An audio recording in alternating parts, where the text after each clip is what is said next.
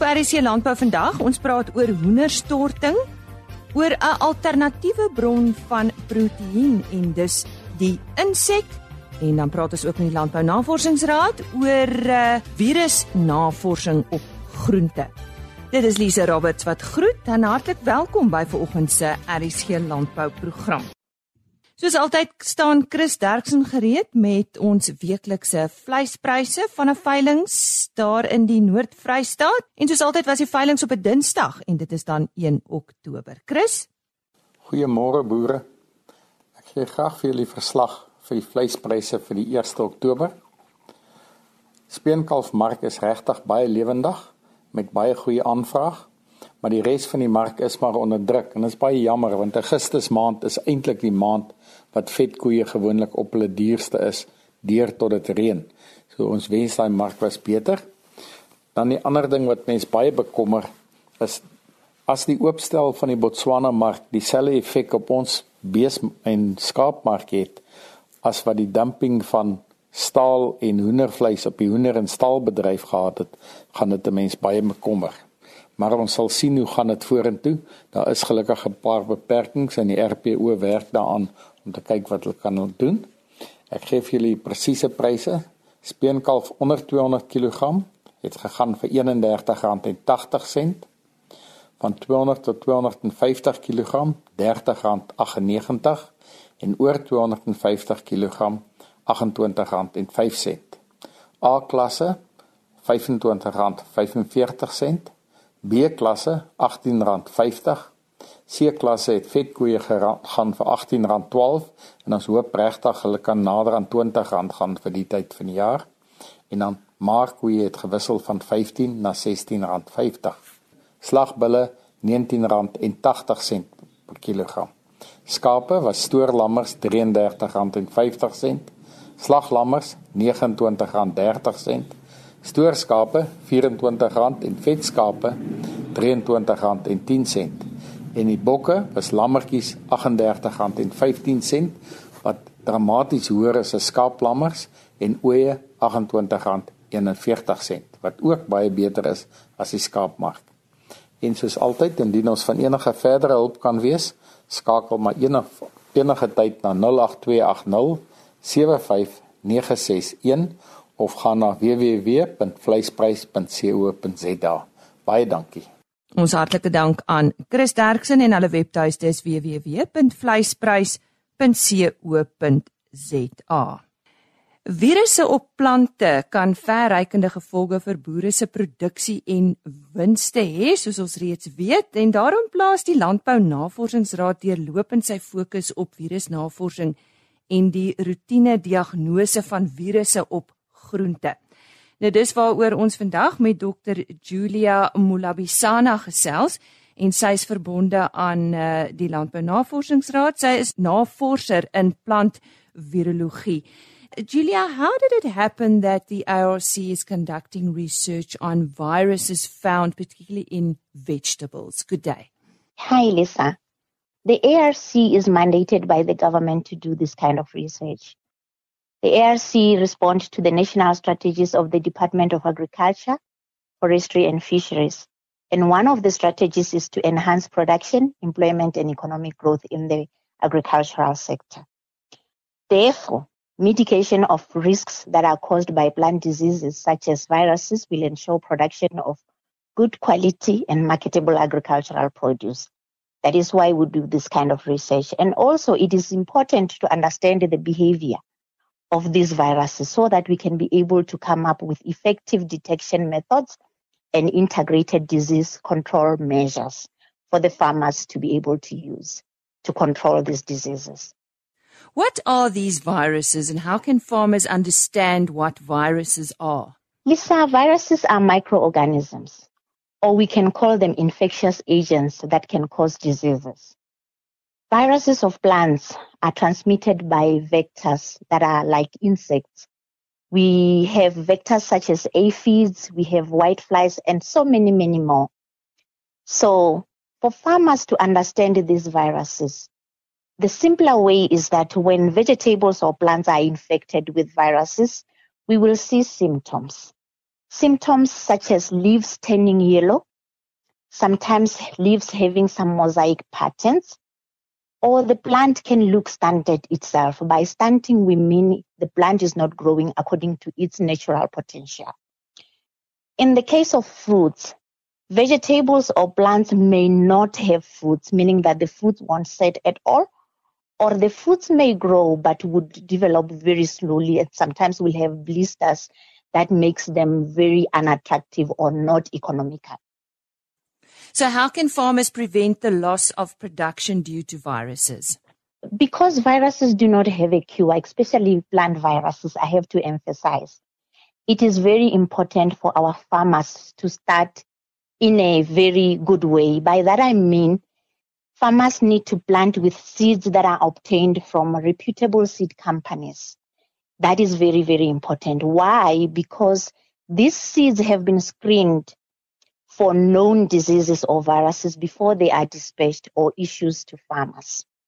Secondly, if farmers are planting vegetatively propagated crops such as sweet potato, it is also very important for farmers to obtain virus-free planting materials or vines from the vine growers who are registered because those vines would be tested for viruses as well. Also very important is controlling of weeds in and around the fields. Very, very important because weeds would harbor viruses when crops are not in the field or not in season. What is also very important is scouting. By scouting, we mean when farmers do some rounds checking their fields, looking for anything that is odd or anything that is peculiar, such as symptoms. In that way, they can be able to detect or find early symptoms of viruses and they can be able to remove plants that are infected with viruses very early before they are spread to plants that are not infected. So those are some of the things that they can do. So all those things have to be collective, not one. All of them has to work for them to be able to control or manage viral diseases. So, uh, who are the interested parties or the target beneficiaries of uh, this type of research that you are doing? Our research benefits both commercial and smallholder farmers. We work very closely with the provincial departments of agriculture to make sure that the the, the techniques or any research outputs that come from our research is distributed to farmers. And uh, the research is also extended to collaborating with the universities. So those are the people that we are working very closely with, or they are the people who are interested in the kind of research that we do on an everyday basis. Well, we thank you very much for all that information. En dit was dan uh, Dr. Julia Mulabisana. Sy is 'n navorser in plantvirologie by die Landbou Navorsingsraad. Die storting van hoender uit ander lande hou 'n groot gevaar vir die Suid-Afrikaanse pluimveebedryf in en daar's egter maatreëls wat Suid-Afrikaanse organisasies in plek kan sit om dit te beveg. Nou een van hierdie organisasies wat onverpoos teen onbillike handel veg is Fairplay. En ek gesels nou met die stigterslid van Fair bly François Bed. François verduidelik eers vir ons wie en wat presies is Fairplay. Goeiemôre. Goeiemôre, baie dankie. Fairplay is 'n beweging wat ons gestig het in 2016. Uh, in waarheid is ons nou presies 3 jaar oud. Ons het dit in September 2016 gestig. Uh, toe ons gesien het, uh, dis nou ek en van my vriende gesien het wat 'n ongelooflike effek uh die storting van hoender het veral op plattelandse gebiede waar uh, en mense wat aan die onderpunt van die leer staan. Want die eerste mense wat hulle werk verloor is die laasbesoldigdes en tweedens die eerste boere wat uit besigheid uitkom, die hoenderboere wat uit besigheid gaan is die klein boere. En in 'n plek waar jy 40% uh werkloosheid het onder jong mense, 38% is die presiese syfer dink ek uh, is dit vir ons duidelik dat alles moontlik gedoen moet word om werk te skep, werk te beskerm en werkgeleenthede uh waar in plekke waar dit skaars is te ondersteun. So ons het Fairplay beweging gestig om daardie mense te ondersteun en aanvanklik was ons doel bloot geweest om te sê hier is uh, praktyke wat plaasvind wat nie korrek volgens die wêreldhandelsorganisasie se uh, reëls is nie. So ondersteun net hierdie mense wat nou hulle werk verloor en en doen wat gedoen moet word. Uh, met dit het ons besef dat uh, die handelspraktyk wat ons storting noem uh, is nie algemeen bekend nie en mense verstaan nie eers wat aan die gang is in die mark nie. En ons dink uh, vir jare lank het uh, internasionale handelaars en plaaslike verspreiders daarmee weggekom. Uh, en die regering het nie uh, werklik besef waarmee hulle besig is nie. Want ons mark is oopgestel en die, die Europese Unie en Brasilië en Amerika het uh, daardie mark se openheid uitgebuit op 'n manier wat nie reg is nie. Gee 'n bietjie agtergrond oor die kwessie rakende die sogenaamde storting van hoendervleis in Suid-Afrika en Afrika en in watter lande doen dit en hoekom juis hier by ons? Sekerlik. Die die oorsprong van hierdie hoenderstorting en onthou die storting is 'n praktyk wat in baie bedrywe plaasvind. Ons het pas gesien dat die sementbedryf in Suid-Afrika vreeslik uh, swaar kry as gevolg van die storting van sement. Ons het in die verlede al gesien dat die staalbedryf baie swaar gekry het. Ons uh in Fairplay beklei ook teen uh, die manier waarop uh, suiker 'n storting plaasvind in Suid-Afrika en die effek wat dit het. So ons fokus maar net op die hoenderbedryf omdat ons beperkte bronne het en ons dink dit is 'n manier om werkloosheid en die groei in werk uh, te bevorder. So die oorsprong daarvan is eintlik in veranderende eetpatrone in die noordelike halfrond Europa, Noord-Amerika eet die mense toenemend die wit vleis, die hoenderborse. Ongelukkig het hoenders nie net borsies nie, hulle het bene en duie en so aan ook. En so gevolglik sit hulle uh, die groot verbruikers bedoel ek sit met 'n berg van hierdie uh, bruin vleis, die dele waarvan ons hou, die been in vleis. en dan soek hulle markte waar hulle dit kan gaan uh, lewe nadat hulle klaar hulle wins gemaak het. En onthou almal van hulle, die Europese Unie, Brasilië en Amerika se bedrywe word grootliks deur hulle regerings ondersteun. Die Suid-Afrikaanse regering ondersteun nie die hoenderbedryf in Suid-Afrika nie. Maar die hoenders is 'n strategiese bedryf vir Suid-Afrika omdat dit eerstens uh, voedselsekuriteit waarborg. Uh, dit is die grootste proteïen vir ander vir arme mense en die meeste mense in Suid-Afrika eet hulle vleis uh, met hoender, vervul daai rol met hoender. Maar Suid-Afrikaanse hoenders eet ook 'n baie groot deel van die mielies en die soja wat in Suid-Afrika geproduseer word. So uh, ons dink daar's 'n baie groot gevaar dat hierdie onheilige praktyke in die handel deur internasionale handelaars en plaaslike verspreiders en invoerders daartoe kan lei dat die Suid-Afrikaanse hoenderbedryf ondergaan soos wat in Ghana gebeur het en ander Afrika lande en vandag kos hoender in Ghana R195 per kilo want daar's geen kompetisie meer vir die invoerders uit Brasilië en die Europese Unie uh en Amerika nie. En daarom is ons baie ernstig dat dit vermy moet word en dat die regering stappe moet neem. Nou daai stappe kan ons bespreek. Daar's heelwat stappe wat geneem kan word. Uh Franso, maar kan ons eie hoenderboere nie voorsien in Suid-Afrika se behoeftes aan hoendervleis nie? Uh, boer ons dan nie slim genoeg nie, dink jy?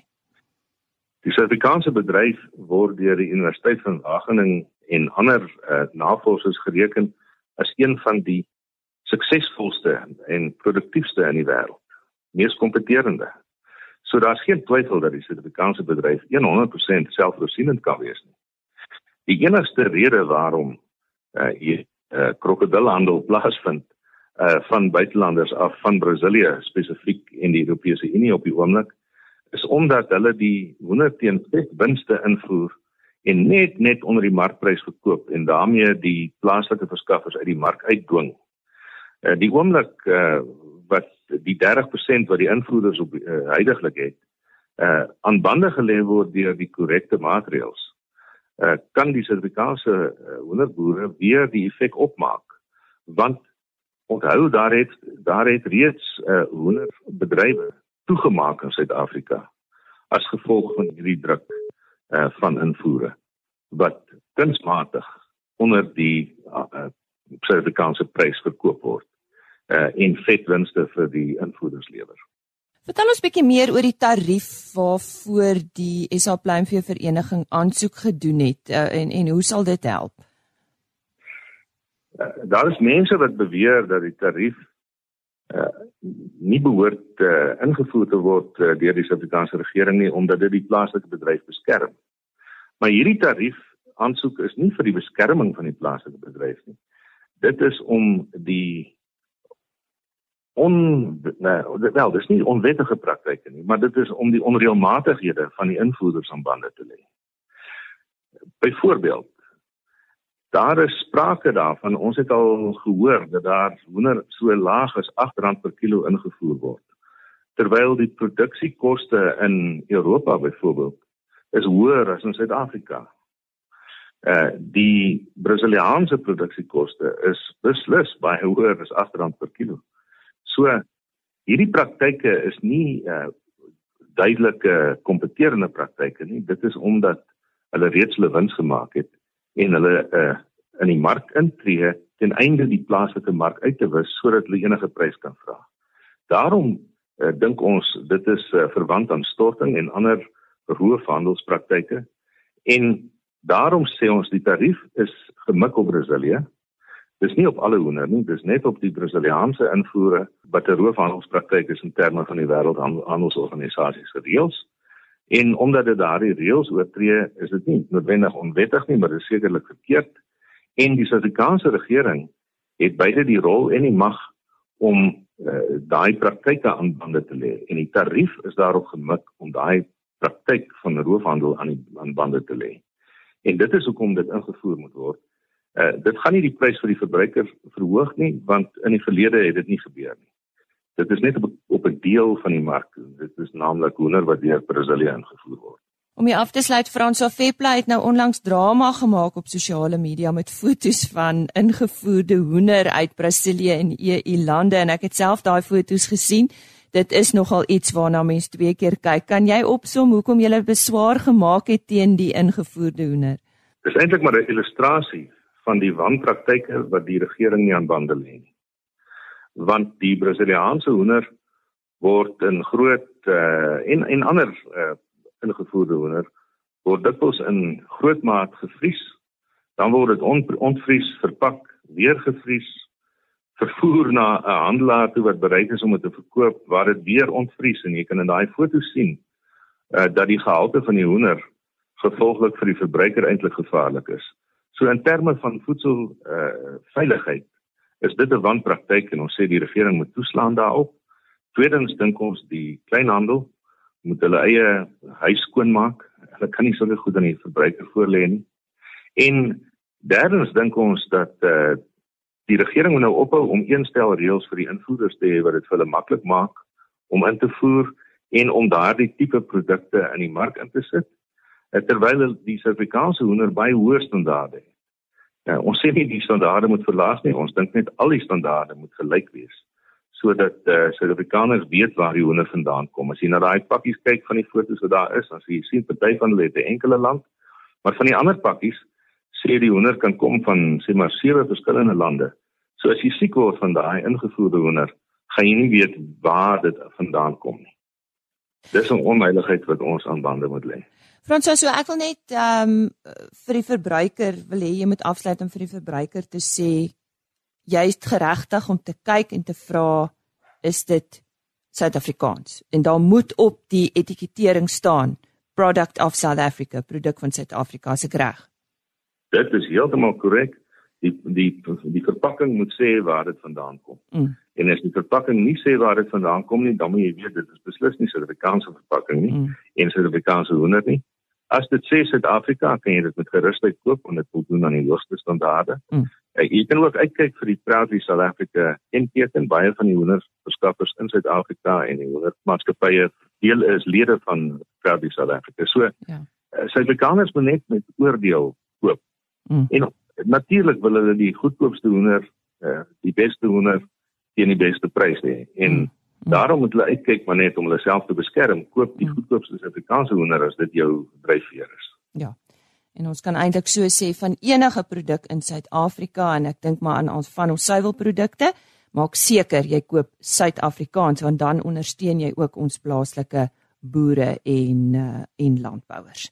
Ons het daar gesels met uh, François Bed, hy stigterslid van die Fair Play Movement en hy het met ons gesels oor uh, die hele kwessie rondom storting en veral van uh, hoendervleis. Neetboerdery is 'n bedryf wat met rasseskrede in Suid-Afrika groei. Dit is 'n winsgewende tipe boerdery en veral die uitvoergeleenthede is legio. In die Oktober uitgawe van Farmbiz word daar gekuier op 'n vooruitstrewende pekaneetplaas in die Karoo en Karen Venter rapporteer oor hulle verbouingspraktyke en bestuursmetodes. Die landbou-onderriglandskap het aansienlik verander die afgelope paar jaar en matrikulante word tans oorval met colleges en opleidingsinstansies wat minder tradisionele opleidingskursusse bied. Maar hoe besluit jy waar jou heil lê? In hierdie uitgawe van Farmbiz word daar gekyk na die koste van verskillende tipes opleiding, die balans tussen teorie en praktiese opleiding en die potensiële geleenthede wat verskillende kwalifikasies bied. Farmbiz bevat hierdie slag ook talle interessante artikels oor groentegewasse, van inligting oor internasionale markte vir tamaties en spinasie tot die verwerking van aartappels en pestbeheer in eie lande kry ook die jongste inligting oor die stand van geneties gemodifiseerde gewasse in die Oktober uitgawe van Farmbiz. Dis verseker 'n moetlees uitgawe. Die gewildheid van insekte as 'n alternatiewe vorm van proteïen neem toe, maar dis onder westerlinge want hierdie gesogte voedselbron is lank reeds deel van sekere lande en bevolkingsgroepe se dieet. Gesels nou met uh, Jean Lourens van Gourmet Grub en uh, hy pr hy praat so 'n bietjie met ons oor insekte en die eet daarvan. Nou Jean, baie dankie vir jou tyd. Watter lande of bevolkingsgroepe is bekend daarvoor dat dit lank reeds deel is van hulle dieet? Ja, baie dankie dat ek saam met julle kan praat vandag. Ehm um, so die mees die die daar's omtrent 2 miljard mense wat op die op die oomblik al insekte eet. Dis meer in die informele bedryf. Ehm um, en dit is Afrika en China is meestal uh bekend vir vir ehm um, insekte eet en dit is meer as hulle eet dit in in whole form. So dis nie dis nie disguise nie, dis die hele insek wat hulle gewoonlik dit eet, ja. Maar wat is die tegniese term vir die eet van insekte? Ek hoor daar is so iets. Ja, dis uh entomophagy uh in Engels. Ek dink is entomologie in Afrikaans. Interessant, interessant. Ja. En en watter tipe insekte word geëet? Daar is 'n hele paar ehm um, daar insekte wat kan geëet word wat ons meestal fokus ons op die uh, black soldier fly larva, uh mealworms en ehm um, mopani wurms wat hierso ook in in Afrika geëet word. Mopani wurms is baie bekend. En dis omtrent waarvan ons weet en dan is daar so nog daar's palm weevils wat hulle ook eet in in die noorde van Afrika. Ehm um, en dit is die dit is die insekte wat ek dink meestal geëet word ehm um, sover ons weet. En dan nog krieke. Krieke, mense is nogal mal oor krieke in Amerika. Ja, nou ek wil nou so 'n bietjie praat oor die westerlinge waarna ek verwys het vroeër. Uh in hmm. in in watter lande word dit nou al hoe meer gewild? Ja, so spesifiek in die west in die westerse lande soos wat jy gesê het, ehm um, in Amerika is daar 'n hele paar uh, besighede wat nou al krieke in hulle in hulle is in 'n eh, proteïene vorm of in 'n ehm um, sê net maar 'n snack bar dan Europa is besig om baie vinnig op te tel daar op Nederland, Switserland, ehm um, ek dink België is al klaar besig om hierdie insekte te te reguleer so dit beteken jy kan dit op 'n kommersiële vlak verkoop soos in 'n retail so sê net maar sê nou maar 'n Checkers of 'n Spar of so iets, kan hulle dit verkoop, ja. Hoe word dit geëet en watter tipe disse eh, kom dit byvoorbeeld voor? So die westerse lande, ons is baie ons geniet dit baie meer in 'n dat jy dit nie kan sien nie, so in 'n gepoeierde vorm. Ehm um, ons wil nie die hele insek sien nie. Ons ons verkies maar dat dit dit, dit maar weggesteek is van ons. Ehm um, en soos ek gesê het, ehm um, dis maar meeste aan 'n poeier. Mense sit die poeier in in die bars, party mense sit dit in die roomhuis net om die roomhuis bietjie meer vol proteïene te maak. Ehm um, ons het hierso nou in Suid-Afrika het ons nou obviously die die roomhuis gemaak uit die actual uh melk uit wat ons maak. Ons sit nie dit geboeide vorm nie. En dan het ons ook polenta fries, croquettes, uh pasta wat ons gemaak het met hierdie met die insekpoeier. So mens kan hulle in in 'n wide variety van van goedes gebruik, ja. Ja, nou goed, wat is die rede hiervoor? Seker die voordele daarvoor vir die mens en die planeet. Praat bietjie met ons daaroor. Ja, so in die terme van die uh vir die planeet, uh die die insekte wat geboer kan word, as mens hulle boer, dan ehm um, jou jou jou greenhouse gases is heelwat minder. Jy gebruik heelwat minder land. Ehm um, en hulle hulle die insekte groei verskriklik vinnig. So jy kan 'n groot hoeveelheid insekte of proteïene groei oor 'n baie kort tydperk. So jou jy ehm um, jou effek op die op die op die planeet is heelwat minder. En dan in terme van ehm um, gesondheid wat great is van party van hierdie insekte spesifiek die black soldier fly larva is hulle aminosuur ehm um, profiel is baie dieselfde as sê nou maar beef waarvoor ons ons ons lywe spesifiek gemaak om hierdie amino uh, aminosuur profiel te te verteer. Mm. So dit is dit is 'n goeie ding om te eet. Sê nou maar mens beweeg meer na 'n vegetarian diet toe as jy nou nie meer so baie vleis wil eet nie. Uh om hierdie om hierdie insekte te gebruik as 'n as 'n bron van proteïene as as jy nie genoeg kan kry van jou plante af nie. Nou as ek so luister word die vraag nou meer en meer. Ehm um, en restaurante weet ek soek insekte. So word dan met hulle geboer of geteel? Hoe werk dit? Waar kry hulle hierdie insekte? ja, so die die mees geboorde ehm um, insekte is die black soldier fly, die meal uh, worm en dan krieke. Ehm um, die black soldier fly is al is al lank al ge, meer ge, meer geboer. Hulle word meestal vir diere gevoer al die afgelope paar jaar, maar soos wat mense nou meer met hulle boere en agterkom die hoe gesond hulle is en hoe great hulle is om mee te uh, te boer, hoe meer kan mense nou hulle begin ehm um, eintlik uh, uh boer meer vir vir vir mense.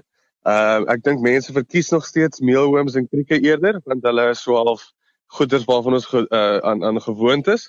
Maar ehm um, ja, dit is dis al, al, al hierdie insekte is ge, is geboorde. Dis nou nie insekte wat jy in jou tuin moet gaan haal nie. Ek sal nie dit voorstel nie. Ek dink jy moet definitief hierdie is alles geboer uh in die Kaap of daar's 'n paar ehm um, boerderye in Amerika en Asië en dan of course ook in Europa. Sjoe, dit is nou baie interessant. Ek het daar gesels met John Lawrence van Gourmet Grub. Uh het jy 'n webtuiste, John? Ja, dit is uh, www.gourmetgrub.com. Die grub is met twee B's hmm. en daarso kan jy sien meer oor die roomhuis en oor, oor ons klein restaurant in Woodstock. Ehm um, waar mens kan kom die die disse kan kom probeer en uh, die experience van insekte eet kan kry. Ja, interessante alternatiewe proteïen en ek dink ons Suid-Afrikaners moet seker nog so 'n bietjie gewoond raak daaraan en soos jy sê dit word maar uh, word maar bietjie weggesteek want ek dink om net daarna te kyk is genoeg om jou af te sit. ja. ja. Ons herhaal nie die mooiste goedes nie. Nee, natuurlik nie. Ons herhaal net daai webtuiste, dit is www.gomygrab.com. Onthou daai .com aan die einde. En dit is waar ons ook dan nou groet vir hierdie week. Onthou RC Landbou se maandag tot donderdag om 05:30 hier op RSG en Vrydagoggende om kwart voor 5. So van my Lise Robert sê ek totsiens tot maandagooggend. Ons wens julle 'n goeie naweek wat voorlê. Mag dit net met u goed gaan tot maandagooggend wanneer ons weer gesels. Totsiens. RSC Landbou is 'n produksie van Plaas Media. Produksieregisseur Henny Maas.